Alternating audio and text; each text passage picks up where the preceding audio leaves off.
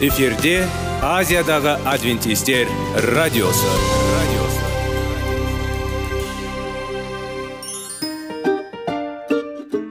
сәлем достар. Денсаулық өмір бұлағы және біздің бірінші байлығымыз демекші денсаулық сағаты рубрикасына қош келдіңіздер. Біздің рубрикада біз әртүрлі факторларменен мәліметтерменен кеңестерменен бөлісіп шын жүректен сіздердің дендеріңіз сау болғанын қалаймыз.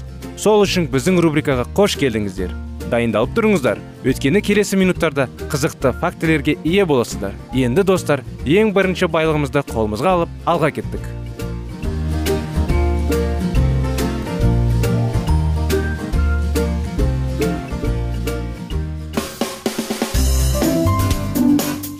Денсаулық туралы хабар. Денсаулықтың ашылуы. Күн сайын сөз үшін күшті кеңестер соңғы жаңалықтар қызықты факторлар. Біздің рубрикада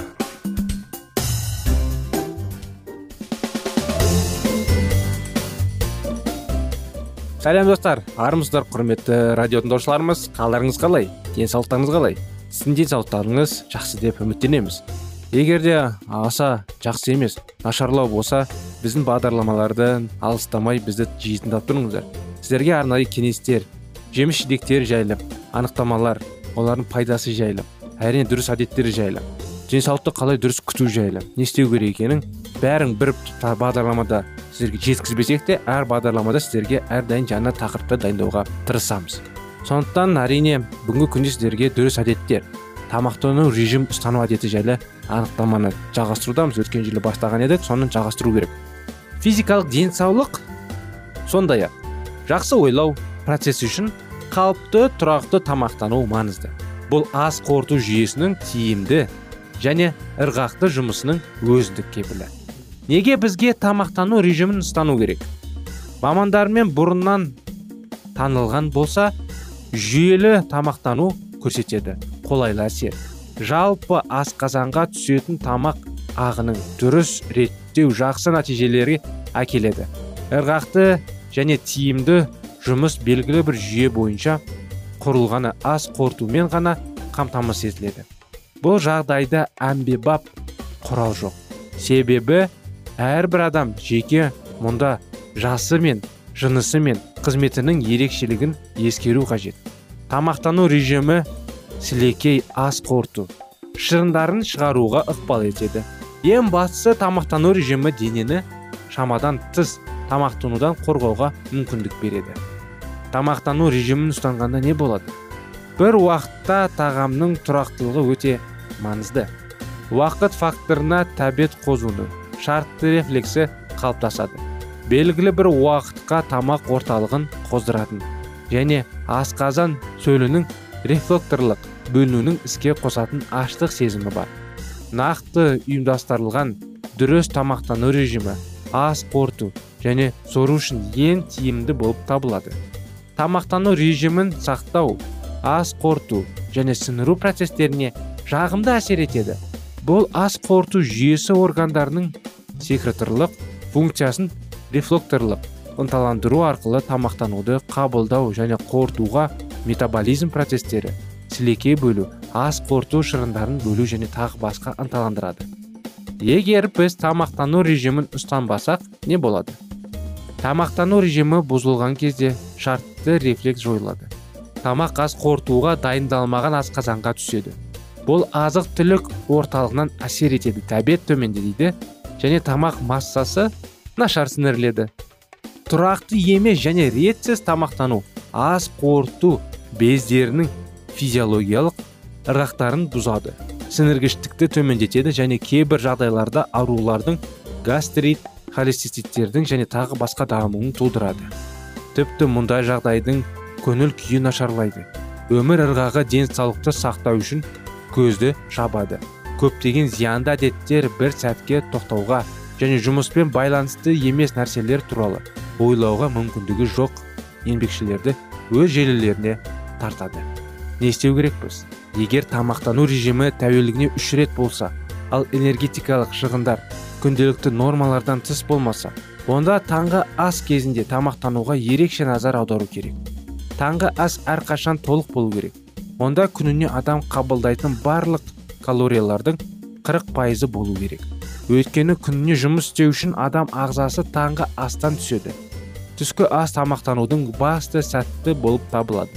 Онда тәуліктің мөлшерден шамамен 40 пайыз калория болу керек. Кешкі асқа жалпы күндізгі норманың қалған 20 пайызы бөлінетінін есептеу қиын емес. Егер төрт рет тамақтануға көшсек онда тағы ас пен түскі астың 10 пайызы түстен кейін кетеді. Әрбір тағамды 25 минут бойы мұқият шайнау керек. Сонымен қатар ас қорыту бездері тәулігіне 6-10 сағат бойы ас қорыту мүшелерінің келесі тәулікте қалыпты жұмыс істеу қабілетін қалпына келтіреді. Сіздерге өткен жолы айта кеткен бір кішігірім кеңес айтқым келеді сіздерге. Мүмкін сіздер біз бағдарламаны енді тыңдап отқан шығарсыздар. Мүмкін өткен бағдарлама тыңдамай қалдыңыздар. Ас қорыту жайлы тамақтаны дұрыс тамақтану жайлы уақытылы. Әрине уақытылы тамақтансақ не болады уақытылы тамақтанбасақ не болатыны жайлы қазір айтып беремін. Сіз мысалы таңғы асты ішіп отырсыз иә? Мысалы сегіз тоғызларда келесі асыңыз түске қарай. Арасы төрт бес сағат дейік негізі солай болу керек. Неліктен қандай мәселе? Сіз сол төрт сағат төрт бес сағаттың ішінде тағы бір нәрсе жеп қоюға тырысасыз кей кезде. Сол кезде не болатынын білесіз ба? Сіз таңғы асыңызды іштіңіз одан кейін іш асқазан қалай енді есігі жабылды деп есептейік асқазан қорыта бастайды. Қорыта бастайды. Негізі үш төрт сағат қорытады асқазан. Кейін бір сағат оған демалу, демалуға беруіміз керек. Негізі сол дұрыс қалыпты. Содан кейін барып тамақ ішуіміз керек. А біз таңғы астан кейін екі үш сағаттан кейін бір нәрсе жеген кезде не болады? Асқазан ішінде кислота бар арнайы. Ас тамақтарды қорытатын. Сол қорытып кислота бәрін қорытып жатқан жағдайда сіз тағы бір нәрсе саласыз. Сонда жаңағы ескі бычыт болып жатқан іште енді. Кешіріңіздер бұндай сөздерге. Расында масқара бычыт болып жатқан іште кислотамен бәрі аударылып кислота қорытып жатқан кезде асқазан жаңа тағам түседі. Жаңағы ескі тағамдардың бәрі кислотаның бәрі тоқталады. Сонда басынан басталып қайтадан қорытылады. Жаңа тамақ пен ескі тамақ. Сол кезде асқазан ауыра бастайды. Бір күн болмасаң бір күні сіздерге ол әсер етеді. Сондықтан уақытылы тамақтанайық таңғы асты күнделікті азаннан кешке дейінгі бүкіл күннің тағамының процентке пайызға бөлсек таңғы асымыз елу пайыз болу керек. Түскі асымыз қырық пайыз кешкі асымыз он пайыз болу керек. Болмаса орташа ретіне келтіріп бөліп тамақтануға болады. Егер сіз күш жұмсасаңыз сіз үшін қолайлы тамақтану режимін дамытсаңыз пайдалы диетаны ойласаңыз деніңіз сағат ретінде жұмыс істейтін болады. Мінекей осындай кеңестер осындай анықтама және біздің денсаулық сағат бағдарламамызда осымен бүгінгі бағдарламамыз аяғына келіп келді. Сіздерді келесі бағдарламаға шақырып келесі жолға дейін сау саламат болыңыздар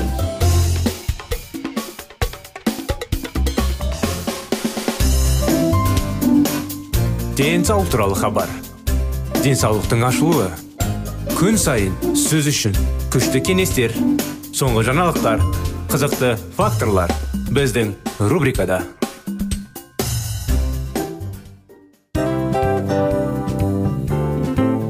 Әуелі байлық денсаулық екінші байлық он саулық үшінші байлық ақ жаулық. Ал енді осындай радио парақшадан кейін не дейміз? Барлықтарыңызға денсаулықтарыңыз зор болсын деп тілейміз. Денсаулықтың өзгеруі кішкентай нәрселерден басталады. Осымен біз берген кеңестер мен мәліметтер шын жүректен сіздер үшін қандай да бір болсын жәрдем берді деп үміттенеміз. Тыңдаушыларымызбен келесі радио парақшасына дейін қоштассамыз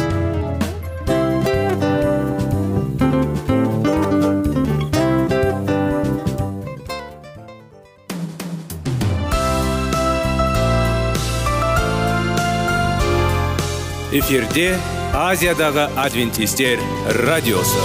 Радиосы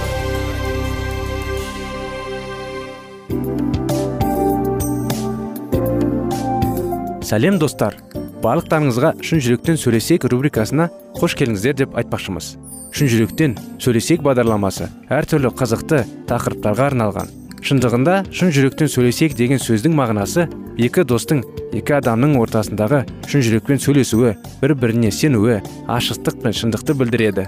Сол үшін біздің бағдарламалар әртүрлі қызықты тақырыптарға арналған. Дайындалыңыз жаңа қызықты мәліметтерге ие болуға. Ондай болса кеттік.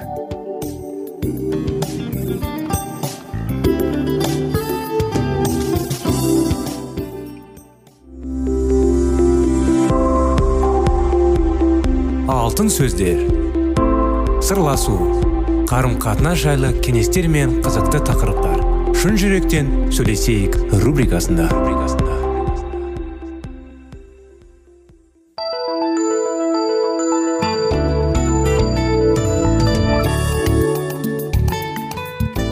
Ассалаумағалейкум армысыздар құрметті радио тыңдаушыларымыз құрметті достар.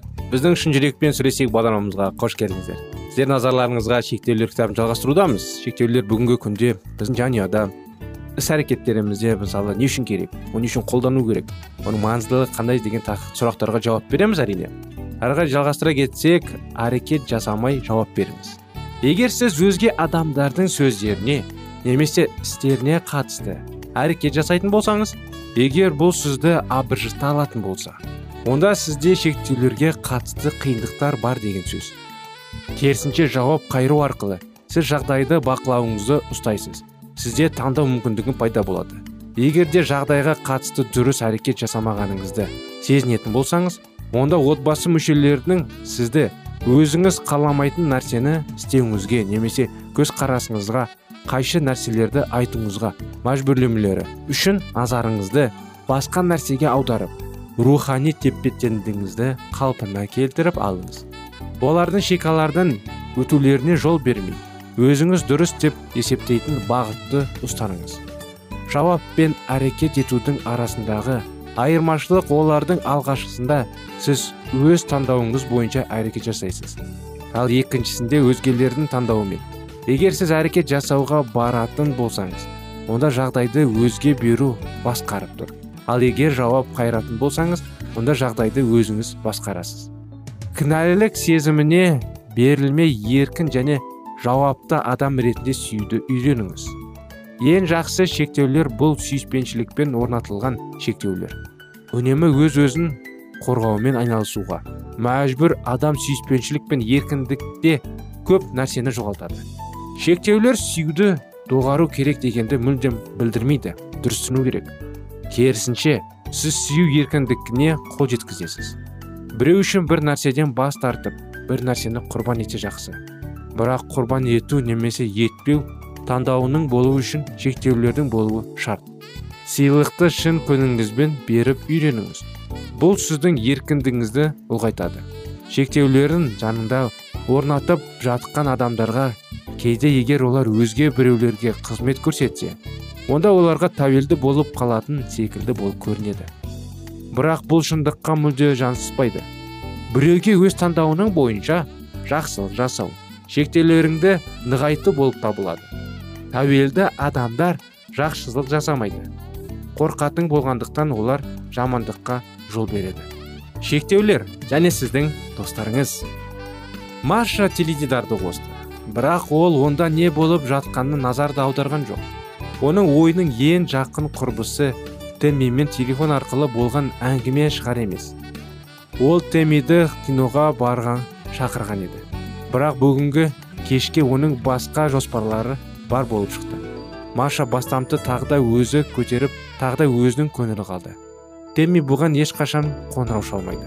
Сонда достық деген осындай болуға тиіс пе? Достық бұл сөз екі адамның арасындағы рухани жақындықты сыйластық пен өзара көмекті білдіреді. Достар мағыналы өмірдің белгісі. Дүниедегі ең бақытсыз адамдар өмірлерін жалғыздықта аяқтайтын. Ешбір адаммен достық қатынастары жоқ өздерін ешкім жақсы көрмейтін адамдар. Осы кітапта келтірген қарым қатынастардың көпшілігінде достықтың белгілері бар.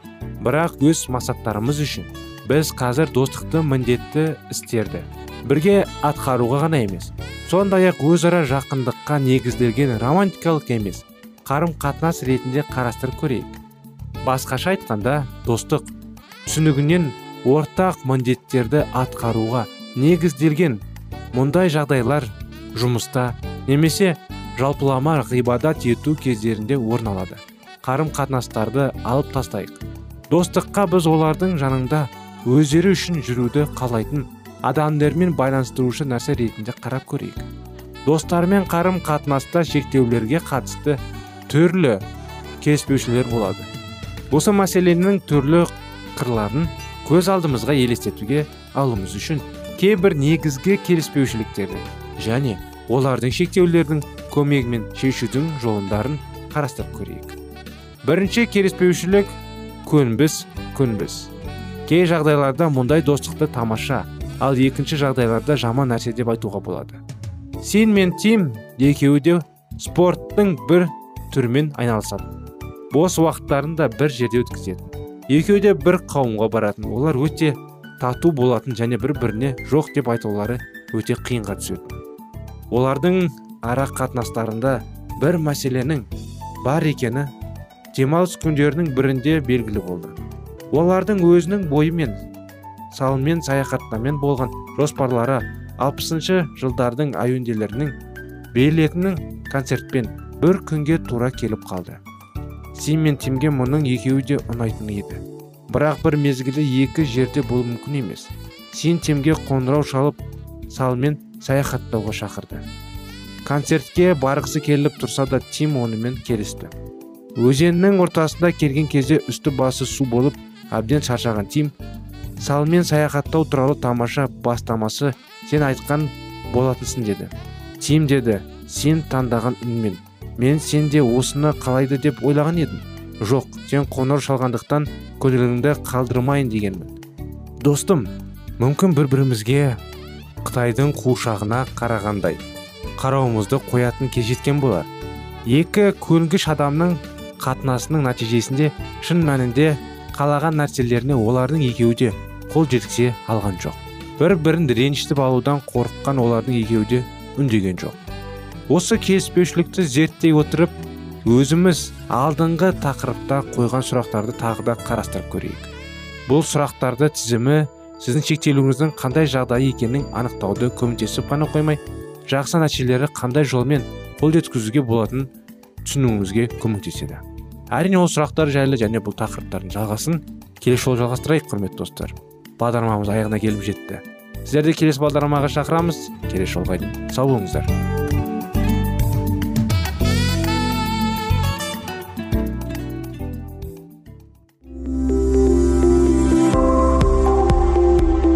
Алтын сөздер. Сырласу. Қарым қатынас жайлы кеңестер мен қызықты тақырыптар. Шын жүректен сөйлесейік рубрикасында.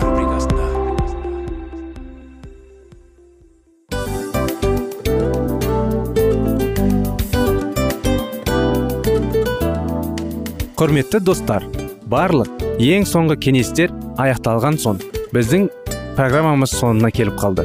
Осы біздің мәліметтер осы рубрикада айтылған әрбір сөздер сіздерге өзінің қандай да бір пайдасын алып келді деп шын жүректен сенеміз. Және бұдан да көптеген рубрикаларымыз бар. Басқа рубрикаларымызда біздің зерттеулерімізде сіздер үшін тағы да қызықты мәліметтер дайын. Біздің шын жүректен сөйлесейік парақшамызда көптеген әдістер ең соңғы кеңестер адамның нравственность жақтан моральдық жақтан тазалап байыта тұрған соңғы кеңестердің барлығын жанарады. сондықтан алдыңғы күндерде бізбен бірге болыңыздар. Өйткені барлық қызықтар алдыда. Бізбенен бірге болғандарыңызға үлкен рахмет. Келесі кездескенімізше сау сәлемет болыңыздар.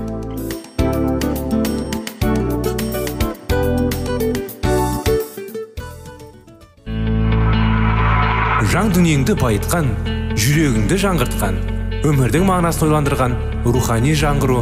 Рубрикасы.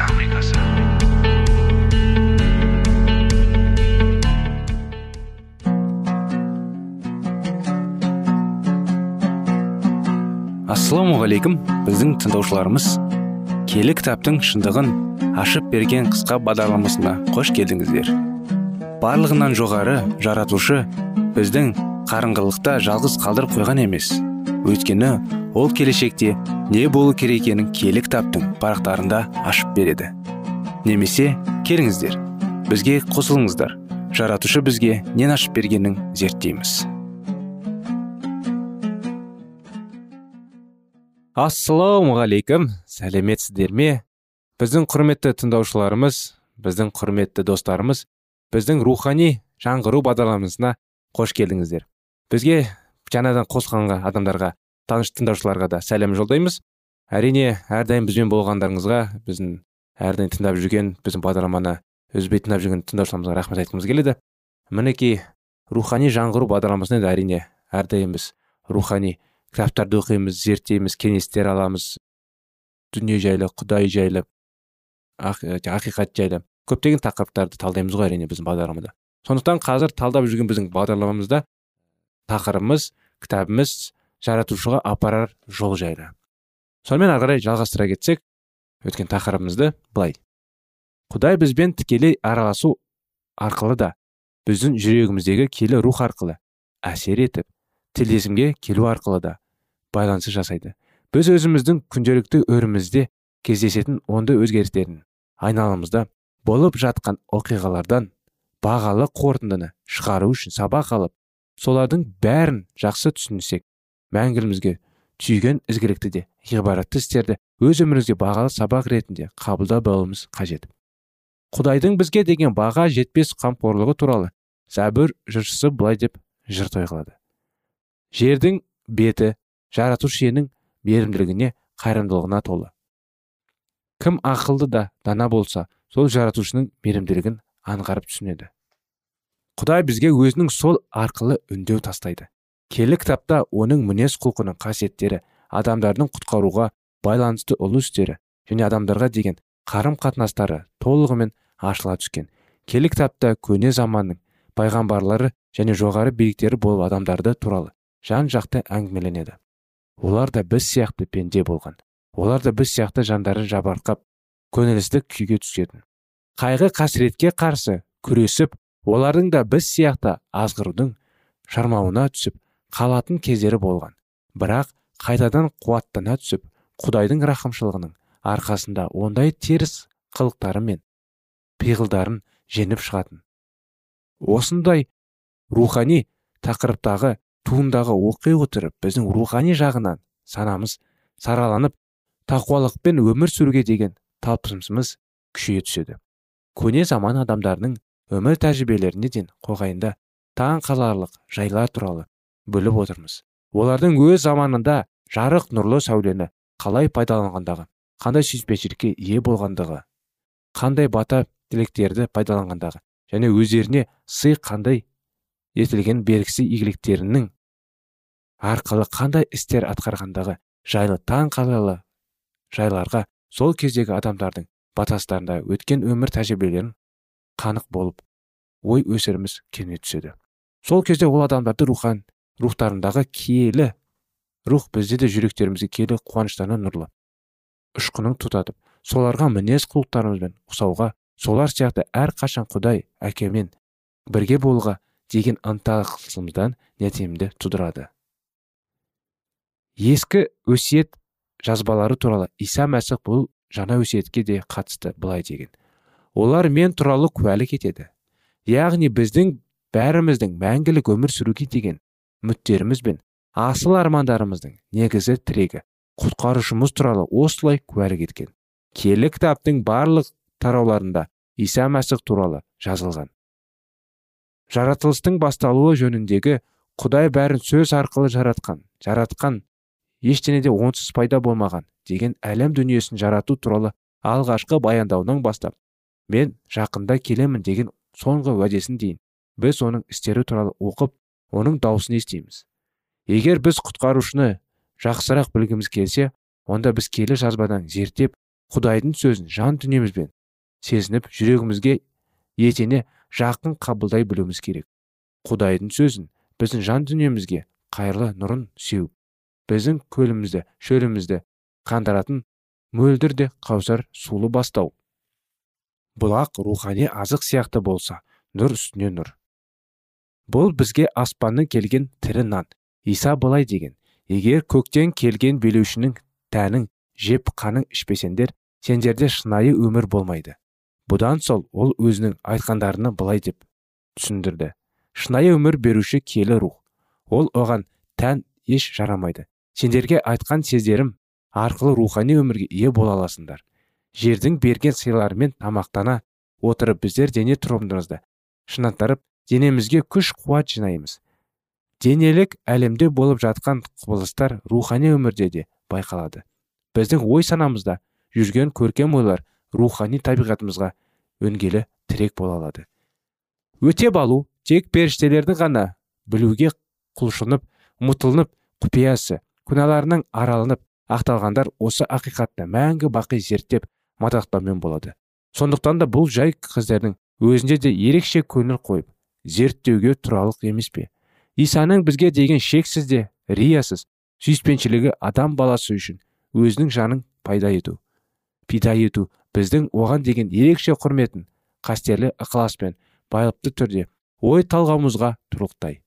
Біз өзіміздің күнәларымызды өтеп алған жақтаушылығымыздың өз адамдардың олардың күнәларының артылып құтқаруға байланысты. Міндеті мен мақсаты жайлы тапсырмасы біздің теңірінен ойландыру тиіс. Егер біз аспан әлеміндегі ақиқи шындықтар туралы терең ойланып соны білуге шын немізбен шын ниетімізбен ұмтылатын болсақ онда жаратушы иеге деген сүйіспеншілігіміз беки түседі. Біздің шынайы жүректен шыққан шексіз сүйіспеншілік және сенімге толы дұға тілектерімізде жаратушы иенің қабылдауына анағұрлым қолайлы боларлық хақ. Өзі арқылы құдай әкеге келгендердің барлығын құтқаратын исаның құтқарушылық күшін көріп біздің оған деген сеніміміз нығайып сүйіспеншілігіміз арта түсетін болады. Да бағдарламамыз уақыты енді кішігірім болған соң достар тақырыптарымыз осындай кіші кішігірім болады. Бірақ келесі тақырыптарда әрине жалғасы болады. Сондықтан бүгінгі қорытынды әкеле келсек енді құдай әрдайым бізді сүйеді. Әрдайым бізді шақырады. Әрдайым бізде енді аспанның жаңағы келі кітапты бізге берген өсиеттерін орындап оны оқып ә, зерттеуге шақырады. Құдайға жақынірек жақынірек қылады ғой әрине ол. Сонда оның қа, барлық құдіретін ә, барлық ә, мінезін әрине киелі кітап арқылы білеміз сөзі арқылы. Сондықтан достар бізбен болғандарыңызға рахмет. Келесі жолға дейін сау саламатта болыңыздар.